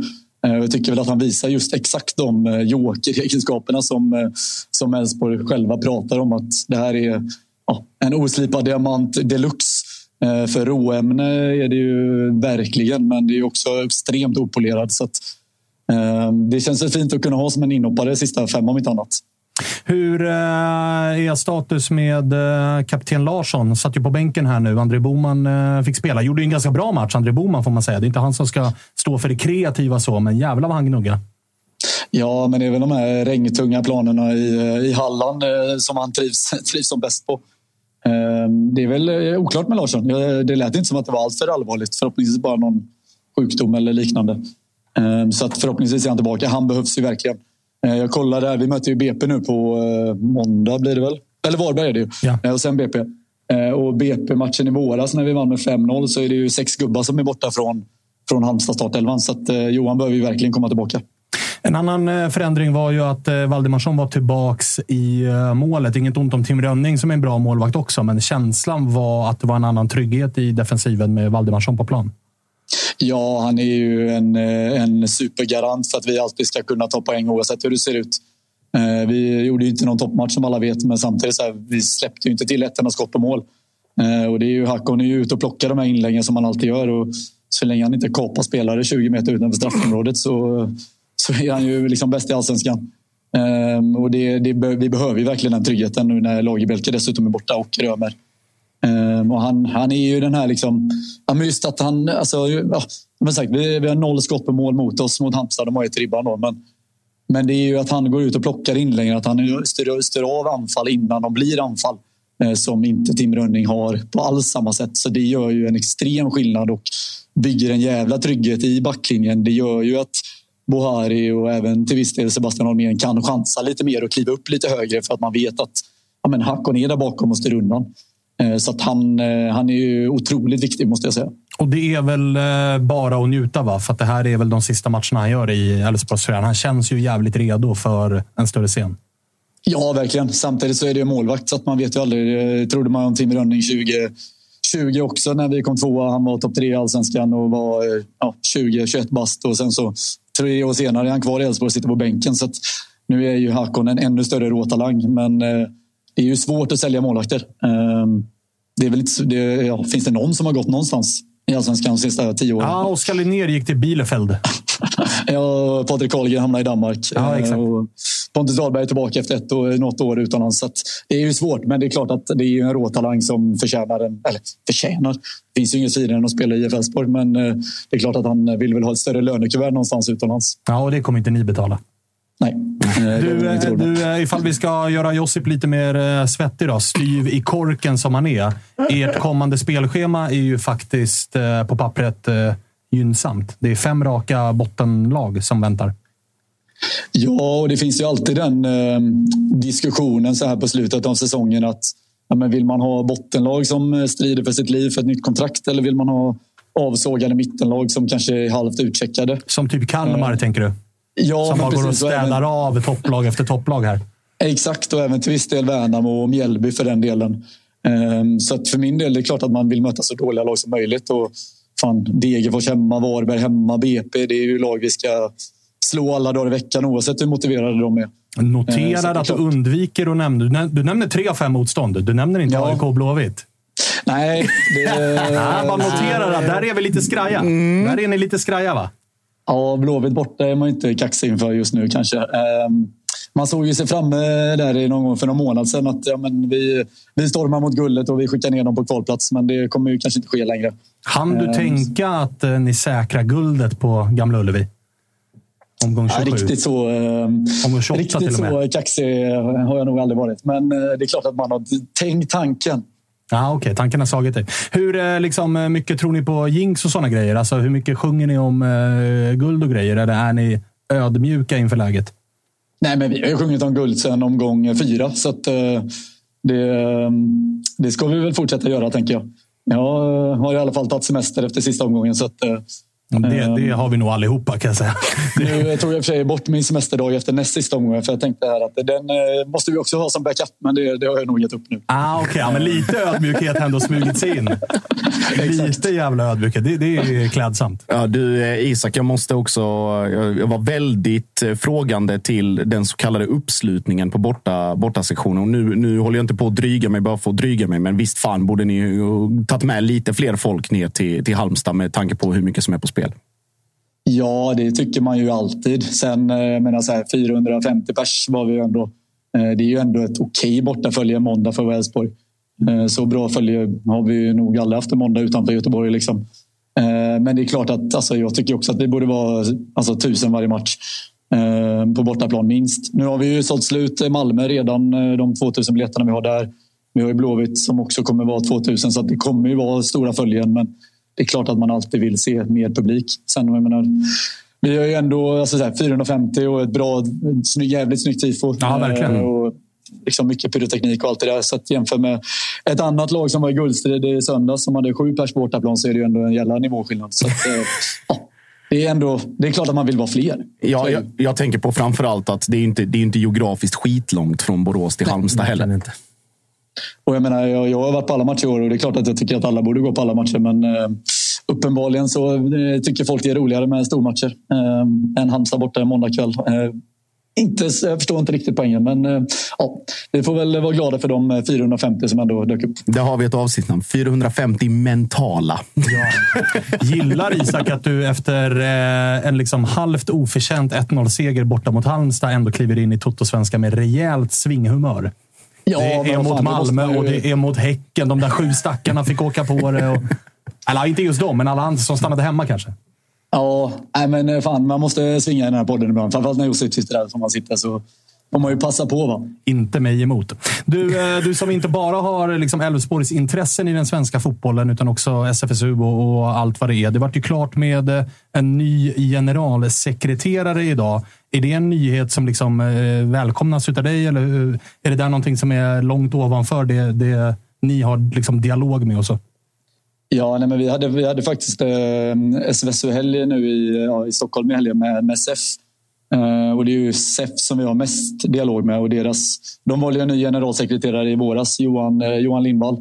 Eh, men det är klart att vi diskuterar vad som händer på förbundet också. Sen historiskt sett så har förbundet inte...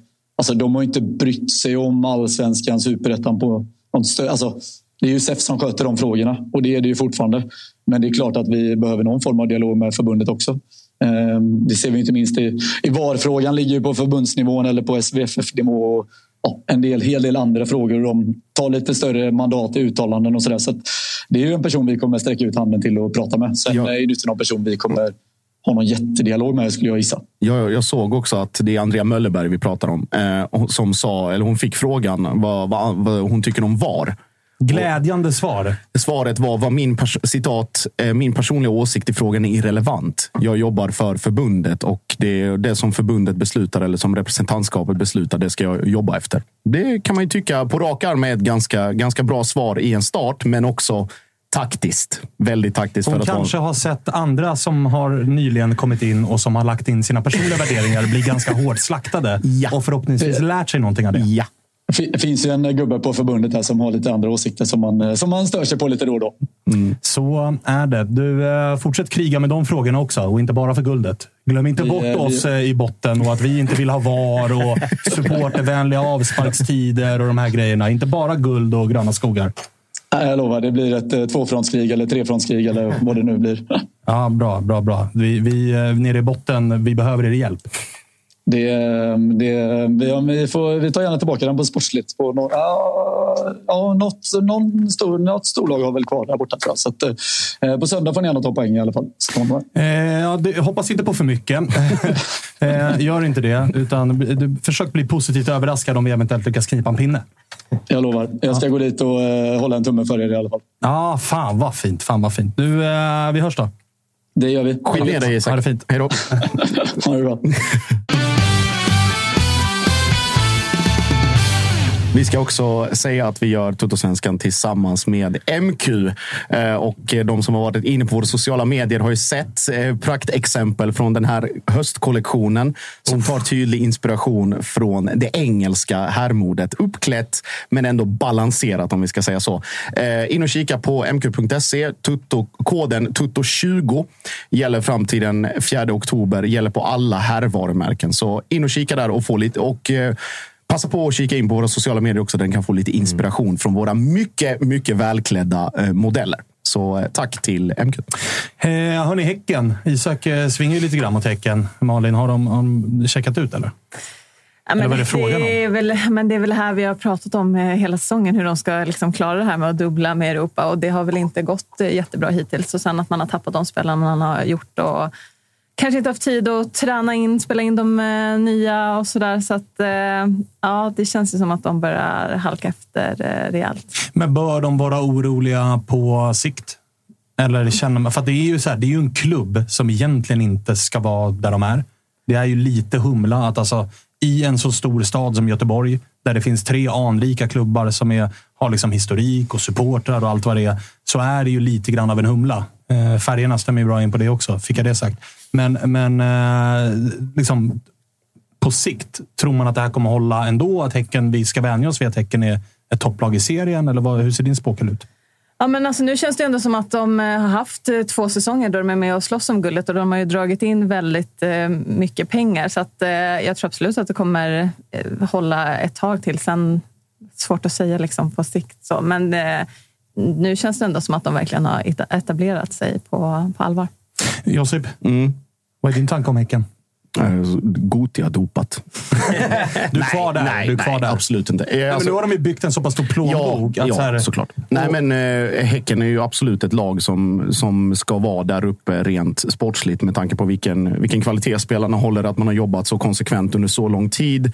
Att Martin Eriksson eh, sömlöst eh, liksom har fasats in i den sportchefsrollen efter eh, Sonny Karlsson.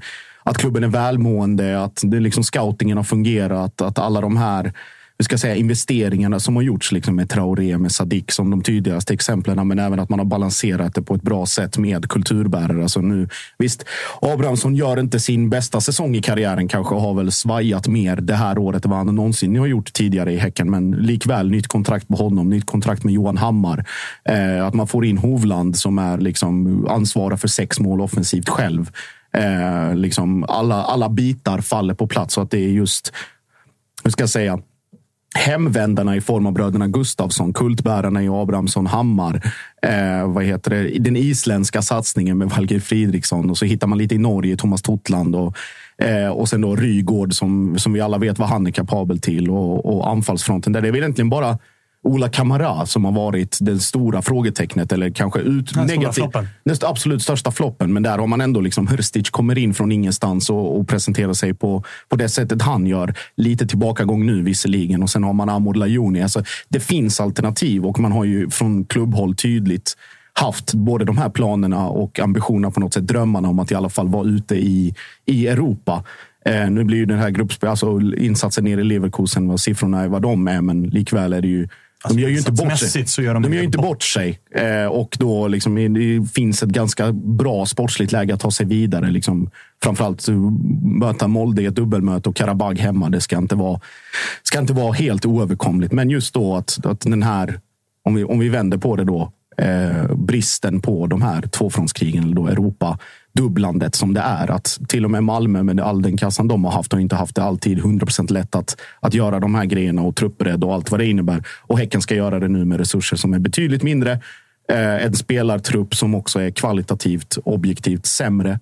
Och Eh, framförallt ovana. och ovana. Så att det blir ju det blir ju vad det blir. Men eh, likväl, alltså säger att man har kapitaliserat så pass bra på både att utveckla sin egen verksamhet och göra den så bra man kan, men också på att det går som det, eller det har gått som det har gått för de direkta konkurrenterna i staden. Gör ju också att man har skaffat sig försprång som jag tror att kommer bli väldigt, väldigt svårt för Blåvitt att ta ikapp inom de närmaste, de närmaste åren. Ja, men inte bara Blåvitt, Och i utan jag menar också Ja, Stock- men- Stockholmsklubbar är de före också. Ja, på, i, i det avseendet ja. Eh, och då går vi återigen tillbaka till det här med vad, vad kan man ställa för krav på Häcken? Och det är ju liksom inga supportrar som sätter press. Nu finns det väl en viss återväxt, men att man får jobba i fred och i takt. Och vi pratat om Borås innan och liksom Elfsborg, att de är i någon form av periferi och får sköta sig, sig själva lite grann också. Och få liksom skörda frukterna av det lite grann nu också. Så att, men just också att så här, med Blåvitt eller Gais och ÖIS ska vi inte ens liksom nämna. Och nu kommer Utsikten från ingenstans och, och håller på i och för sig på att choka bort sig från, eh, från ett direktavancemang till Jävlar vad allsvenskan. arg han var, Bosko, i helgen. Jävlar ja. Ja, det där... Han var inte helt nöjd. Du var ganska snäll mot domaren jämfört med Bosko. Det där ser Verkligen. Jag, det ser jag fram emot att se i Allsvenskan nästa år. vad? Ja, jag det. Jag, ser, alltså, jag har ju jobbat Utsikten choke. Mm. Nu jobbar jag ju nästan Utsikten klarare för att jag vill ha Bosko. Till Allsvenskan. Jag vill inte ha Utsikten och allt vad Utsikten innebär, men jag vill ha Bosko. Kanske att någon klubb ska kika på att plocka Bosko. Nej, nej, jag tror att vi, nej? men jag tror att det, kan, det är roligt i fem omgångar. Sen kommer man ju tröttna på när han ska stå där och liksom, vad heter det, 1-1 mot Värnamo och så ska han stå och skrika om hur jävligt Fan, om allting är. inte och att alla- Värnamo ska ta honom. Han kritar väl precis nytt. Det var det Sportbladet som avslöjade till och Nej, med. är det så? Fan vad synd. Så, eh, mm. Åh, Ja, det, nej, men eh, Häcken, som sagt, tålmodigt och långsiktigt arbete som, som leder till att man är där man är. Med, blir- med all rätt. Men det blir intressant att se om Högmo lämnar, vilket väl är känslan att han inte blir jättelångvarig. Vad som händer då, för han har ju ändå varit väldigt viktigt för dem. Så, ja. Mm. Ja, så det jag tycker ska bli intressant är att de har en stomme utav eh, liksom, spelare runt 30. Alltså, Hammar förlängde, Abrahamsson kommer vara kvar. Men där finns ju också Rygård, där finns bröderna Gustavsson. där det hela tiden är... De har inte varit jättetydliga med att vi är hemma för att stanna och spela liksom här tills vi dör, utan båda har varit lite så här... Ja, dyker upp något så ja, kanske. Och, jag menar, drar de, drar Rygård, har man det i sig att ersätta dem så till den grad att man fortsätter vara ett topplag. För att jag menar, det där bröderna Gustafsson-spelare, det har inte Häcken ute i Europa som växer på träd, som bara är att plocka hem. Som, alltså, som Malmö har. Vi pratar om att pågarna ska hem och AIK har haft i många år att så här, AIK, eller spelare som har varit AIK-bound. Alltså, så här, Sebastian Larsson har ingen historik i AIK, men alla förstod nästan att när han kommer hem så kommer han att spela i AIK. Det finns många som Robin Quaison och Alexander Isak ska bli gammal en dag och kommer komma hem och Yassin och sådär. Häcken har ju inte jättemånga sådana spelare. Så att min, min tanke är att är det här bara någonting vi kommer se i ett par år och sen kommer det falla tillbaka igen? Eller har man också det i sig med scoutingen, med ungdomsverksamheten, att befästa sig som ett topp fem-lag i serien över tid också? Det är den jag tror blir intressant att se. Topp fem tror jag. Topp tre kan bli svårt för att de andra, liksom så här, att även om Häcken har fått göra nu borrar grannarna här. Eh, men att Häcken liksom har fått det tålamodet och den tiden och kapitaliserat då som vi pratade på att liksom Blåvitt och Stockholmsklubbarna har gått lite knackigt och sådär. De, alltså, världen snurrar ju utanför hissingen också. Alltså, saker kommer hamna på plats i både i AIK, i Djurgården. Det är det jag menar. Det är ju, det är ju en tidsfråga innan Exakt. Blåvitt är tillbaka. Det är en Men- tidsfråga innan Stockholmslagen är tillbaka. Men min, liksom, min grundtanke är att de är alldeles för bra för att vara liksom, ett lag i 6, 7, 8 regioner. Alltså det man trodde att Peking skulle vara liksom, när, de, när miljonerna rasslade in. Det och är när Jens det Gustafsson- menar. Så, det man trodde att Peking skulle bli. Peking är ju också så här, de har ju haft för stökigt liksom, själva också. Men Häcken är så pass grundmurade och så pass bra i det de gör så att de kommer absolut vara ett topp fem-lag eh, de kommande i alla fall fem åren. kan vi väl, om nu, nu det, sticker jag inte ut hakan som att jag är ett jävla underbett här, men om liksom fem åren så på det sättet, absolut. Det Alltså, tror jag. jag. jag tror att det hänger väldigt mycket ihop med vad bröderna Gustafsson gör. För jag tror att de är en så pass stor Jag tror, att nav. en, jag tror att en av dem förlängde med ganska många Ja, år men det nu. finns Garren-klausul där. Samuel alltså, det- borde ju vara sugen. Nu är han liksom ordinarie i landslaget Ja. och det känns som att han borde känna att eh, det Mm. finns nog mer att hämta. Sen är ju de speciella. Du har ju pratat med dem, så att du vet ju om att de är, ju- de är ju lite... Bara att de är i Häcken bevisar ju det faktum att ni, ni tänker på ett annat sätt än vad alla andra fotbollsproffs gör som bara ska kamma hem degen och åldern de kommer hem och allt det där. Och de har väl varit tydliga med att så här, vi går inte till första bästa, utan vi har varit ute och känt på det. Det har varit sisådär och det har varit okej, men ska vi flytta nu ska det bli bra.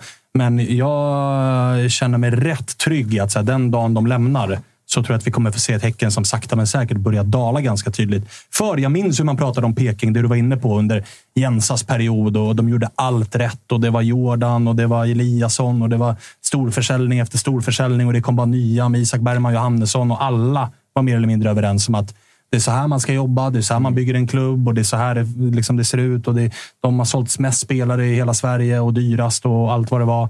Men så ett felaktigt tränarval och så går det fort. Vi ska ha med oss att fan, vad är det? 2020? Då är Häcken nära att åka ut. Ja, mm, innan Högmo kommer. Det har gått jävligt fort till att man nu är så här, ja, Häcken är i toppen för att stanna. Men jag tror du är Det inne på något fort, där med alltså. kontinuiteten. Det är det de måste skaffa sig på något sätt. Och jag tror att tappar man för många spelare i den eh, formationen som de har nu så kan det gå jävligt snabbt ner. Spelar ingen roll hur mycket Ja, pengar eller bara en felträff på nästa tränare. För jag tror som Malin är inne på också, Högmo han kommer inte vara där i sex år. Alltså han, han kanske en eller två säsonger till i sig. Sen kommer väl han hitta något bättre. Fortsätter han att göra de här resultaten, saknas inte anbud, danska ligan, mer Nej, pengar, exakt. allt vad det är. Så jag tror att det kan gå- fortare än vad folk tror. Ja, ja vi får väl se. Får väl se. Vi eh, får se. Hörni, på fredag så väntar det ett eh, jävla dunderavsnitt. Då kommer Jocke.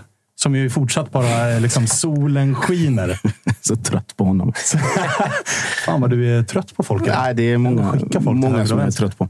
Faktiskt. Men eh, ja, innan, du, innan jag går in på det så ska jag bara säga att vi gör också Tuttosvenskan tillsammans med Creator Studio. Det är alltså ett företag som gör det möjligt att trycka sina egna motiv på högkvalitativa kläder såsom t-shirts, hoodies och sweatshirts. Det är alltså inte den här typiska shoppen där folk liksom bara ah, men nu har jag hittat en fräck bild eller något roligt citat som jag vill trycka på en tröja och sen faller de ihop fullständigt efter tre tvättar. Utan det här är the real deal så att säga.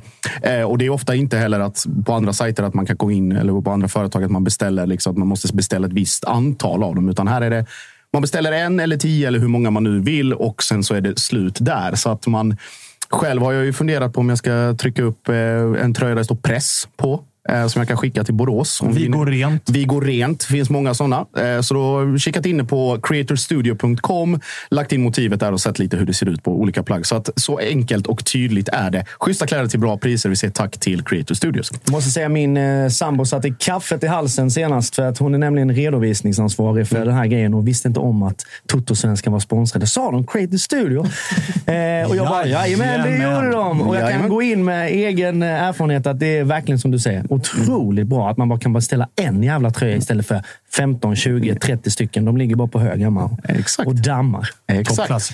Toppklass. Eh, dessutom, då, det kommer vara jävligt glatt på fredag för Bernevall kommer hit också.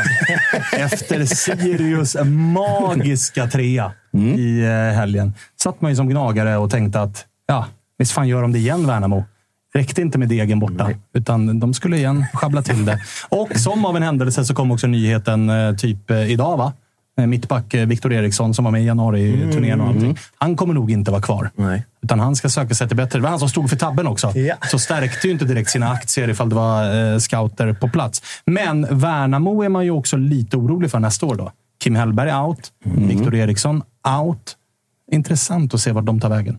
Mycket, mycket Jag gillar intressant. din Bosko-grej där. Det kan ändå vara kul om han Alltså kombon Enes Bosko Ja. i. Värnamo. Jag tycker det är, Aj, aj, det aj. kittlar gott. Fan, vi ska ringa Enes snart och fråga hur högt upp på önskelistan, på shortlisten, vart har vi Bosko? Man, har, man vet också att Malin och hennes kollegor sitter nu och gnuggar nävarna och bara så här, Nej, men "Åh, Disco skickade precis i vår interna kanal att han hade en eh, ganska bra nyhet på gång, så ni får gå in och Oj, oj, oj, oj, oj. Kan det eventuellt röra Bosko?